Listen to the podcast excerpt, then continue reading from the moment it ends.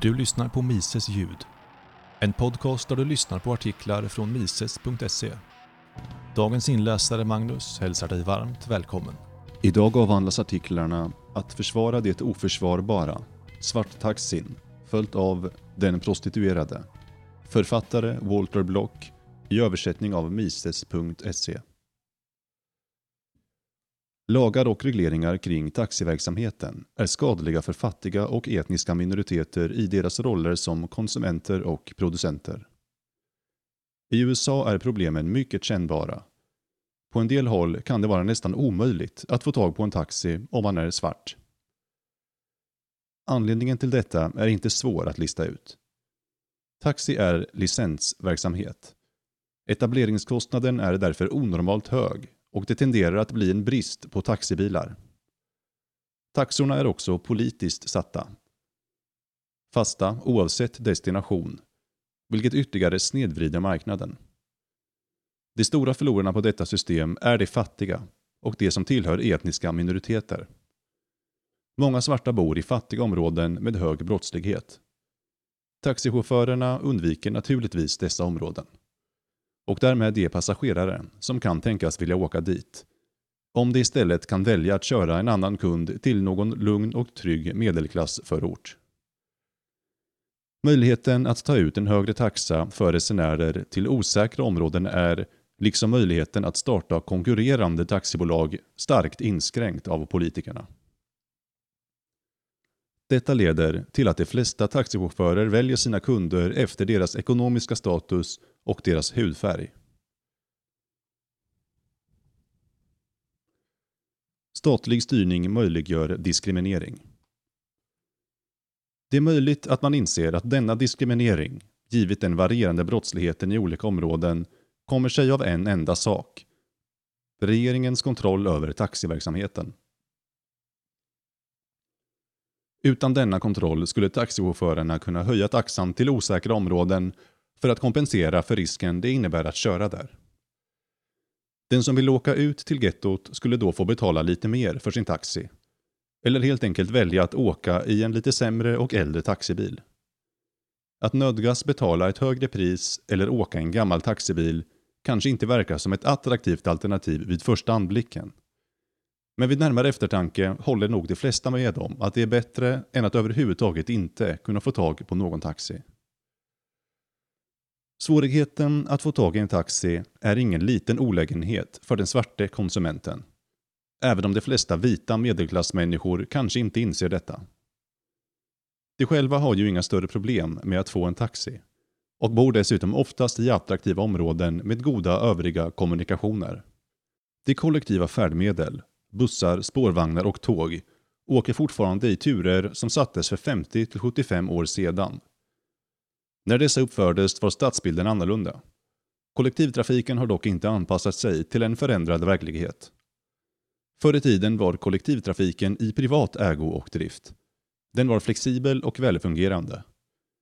Producenterna var beroende av att få in sina pengar och måste därför rätta sig efter sina kunders önskemål. Idag fungerar de kollektiva färdmedlen inte alltid särskilt väl. Allra värst är det i förorter och fattiga områden. Anledningen till detta är till stor del att bussar, spårvagnar och järnvägar nu för tiden ägs av det allmänna. De ekonomiska incitamenten att anpassa trafiken efter konsumenternas önskemål är små när verksamheten drivs politiskt istället för privat. Om kunderna är missnöjda och slutar åka en viss sträcka eller med ett visst färdmedel blir denna tur ekonomiskt olönsam detta ger en signal till den som driver trafiken om att kunderna är missnöjda och att en förbättring är nödvändig. Under politikerstyre kan denna signal ignoreras. Politikerna behöver ju inte ta särskilt stor hänsyn till den ekonomiska lönsamheten. De kan kompensera den ekonomiska förlusten med skattemedel istället för att försöka öka lönsamheten genom att bli bättre på att uppfylla konsumenternas önskemål. Följden av politikerstyret är alltså att den som vill färdas någonstans i staden har att välja mellan en bekväm men dyr taxiresa eller en lång obekväm resa med den allmänna kollektivtrafiken. Detta gäller mest av allt de resenärer som vill ta sig till eller från områden som bebos av fattiga, lågutbildade och etniska minoriteter. Eftersom dessa grupper ofta har mycket lite inflytande i det politiska styret av kollektivtrafiken.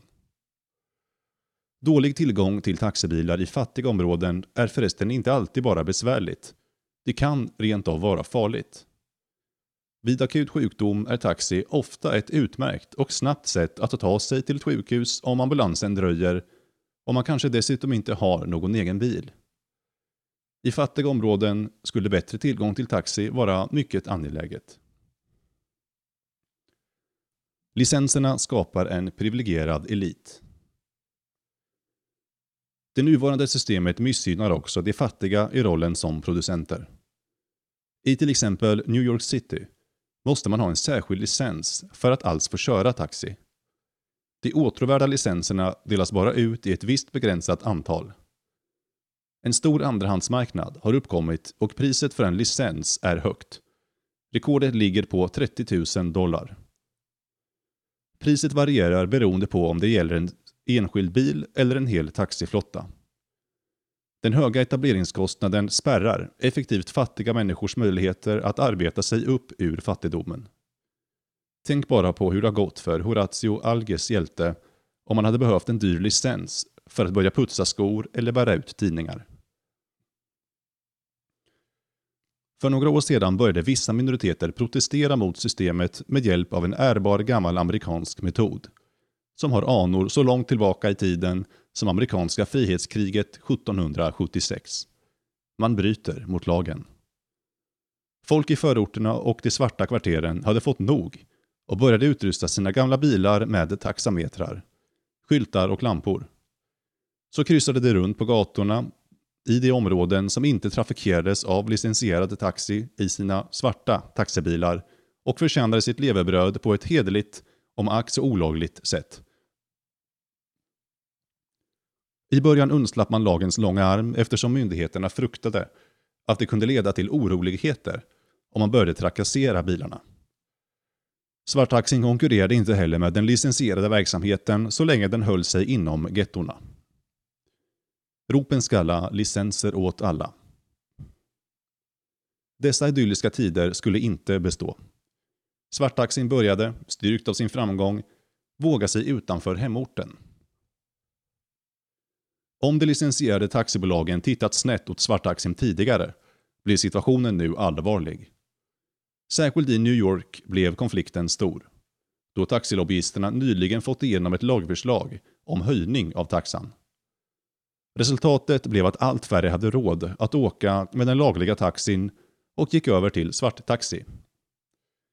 De licensierade taxichaufförerna började överfalla och till och med sätta eld på svarttaxibilarna vars chaufförer naturligtvis inte var sena med att ge igen med samma mynt.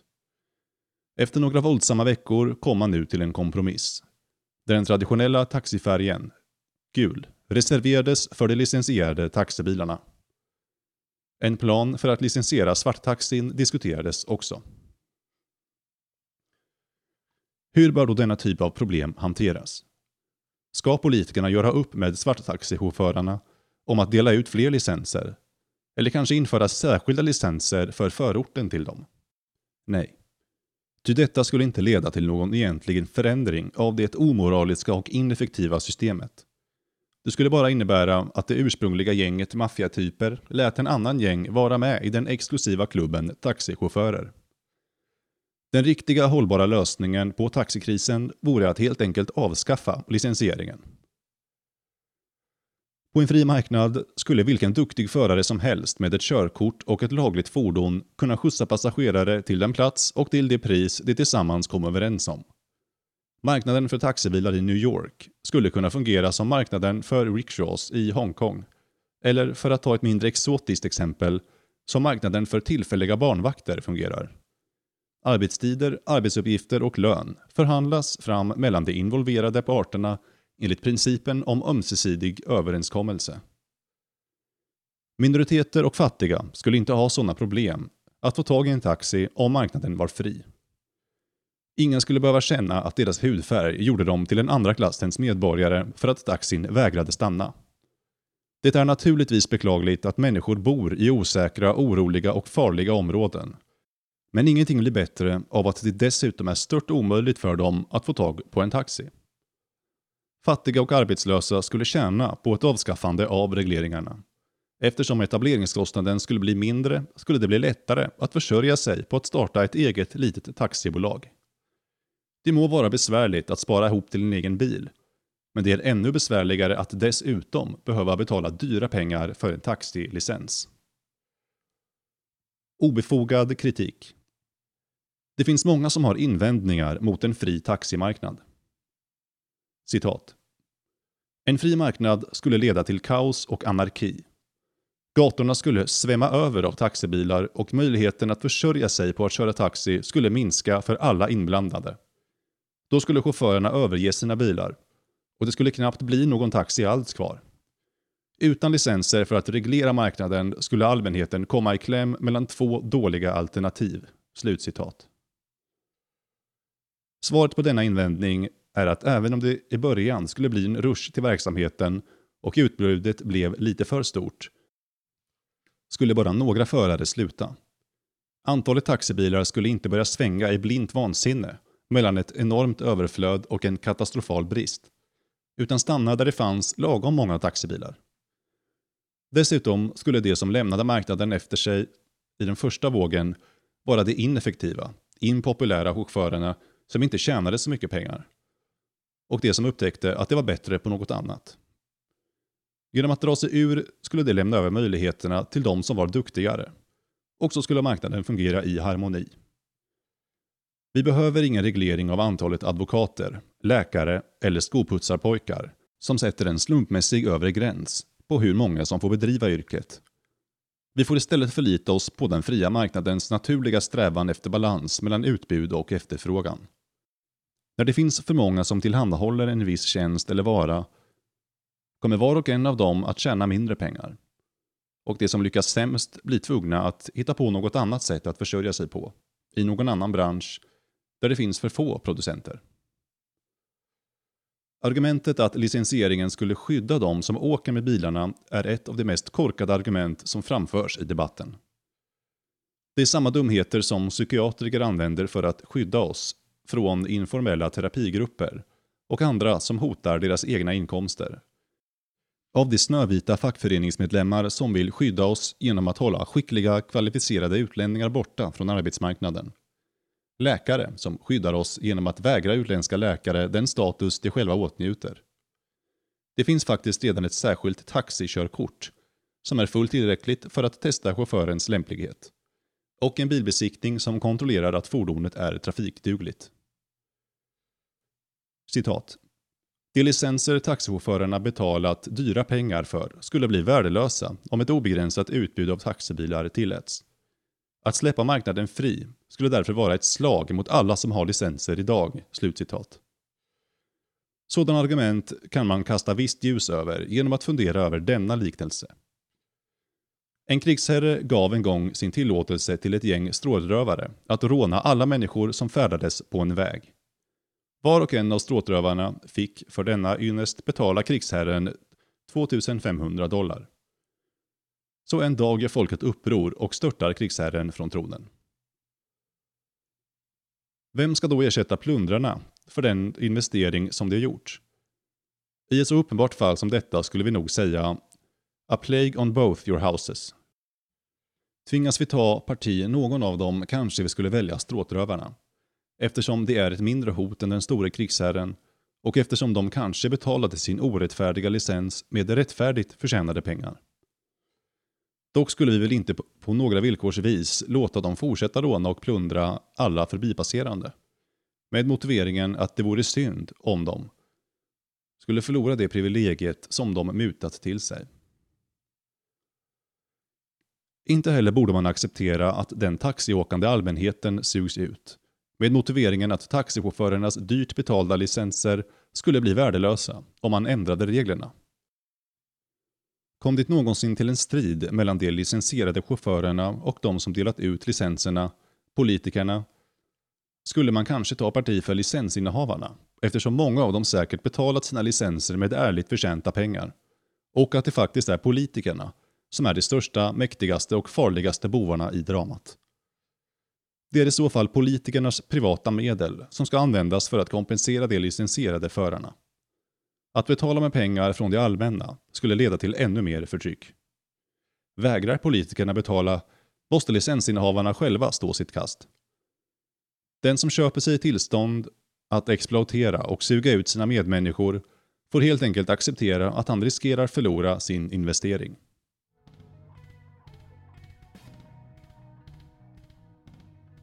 Den prostituerade.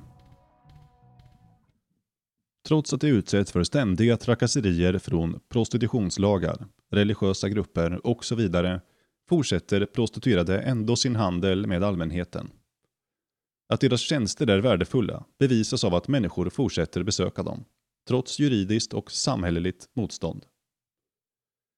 En prostituerad kan definieras som en person som sysslar med frivillig handel med sexuella tjänster mot betalning. Kärnan i definitionen är frivillig handel. På ett tidningsomslag av Norman Rockwell illustrerades för ett tag sedan prostitutionens karaktär. Om än inte de specifika omständigheterna. Bilden visade en mjölkförsäljare och en pajförsäljare som stod i närheten av sina lastbilar, båda två upptagna med att äta paj och dricka mjölk. Helt uppenbart nöjda med sin frivilliga handel. De som saknar tillräcklig fantasi kommer inte att se någon koppling mellan en prostituerad som tillfredsställer sin kund och det ovan nämnda mjölk och pajutbytet. Men i båda fallen har människor mötts på frivillig bas i ett försök att uppnå ömsesidig tillfredsställelse. Våld eller tvång används inte i något av fallen. Naturligtvis kan sexköparen senare bestämma sig för att tjänsterna han fick inte var värda pengarna han betalade. Den prostituerade kan känna att pengarna hon tjänade inte kompenserar henne tillräckligt för de utförda tjänsterna. Liknande missnöje skulle kunna uppträda inom mjölk och pajhandeln. Mjölken skulle kunna vara sur eller pajen ogräddad. Dock skulle missnöjet ske efter ett frivilligt utbyte och handeln skulle fortfarande ha varit frivillig. Om inte alla deltagarna skulle ha velat handla skulle den inte ägt rum. Det finns bland annat feminister som klagar över situationen för stackars förtryckta prostituerade och som anser att de förnedras och utnyttjas. Men prostituerade ser inte sexhandel som förnedrande. Efter att ha övervägt fördelar, korta arbetspass och en hög lön, och nackdelar, polistrakasserier, framtvingade avgifter till hallickar, oinspirerade arbetsvillkor, föredrar den prostituerade uppenbarligen sitt arbete, annars skulle hon inte fortsätta med det. Naturligtvis finns det många negativa aspekter på prostituerades upplevelser, som hotar bilden av den lyckliga horan. Det finns prostituerade som är drogberoende prostituerade som blir misshandlade av hallickar och prostituerade som stängs in i bordeller mot sin vilja. De här otrevliga aspekterna har inte mycket att göra med den verkliga karriären som prostituerad. Det finns sjuksköterskor och läkare som kidnappas och tvingas att behandla människor som rymt från rättvisan. Det finns snickare som är drogberoende. Och det finns bokhållare som blir misshandlade av mindre trevliga människor. Det skulle dock vara svårt att av detta dra slutsatsen att någon av de här yrkena i sig är suspekt, förnedrande eller exploaterande. Den prostituerades liv är precis så bra eller dåligt som hon vill att det ska vara. Hon ger sig in i det frivilligt och är fri att sluta när hon önskar. Så varför trakasserier och förbud mot prostitution? Förslagen kommer inte från kunden. Han är en frivillig deltagare. Om kunden bestämmer sig för att han inte tjänar på handel med prostituerade kan han sluta. Inte heller kommer rörelsen mot ett förbud av prostitution från de prostituerade själva. De har frivilligt erbjudit sina tjänster och kan nästan alltid sluta om de ändrar sin åsikt när det gäller de relativa fördelarna. Opinionen för ett förbud mot prostitution kommer istället från en tredje part, som inte är direkt inblandad i handeln. Deras motiv varierar från grupp till grupp, från plats till plats och från år till år. Gemensamt är att de är utomstående parter. De har inga egentliga intressen i frågan och bör därför ignoreras.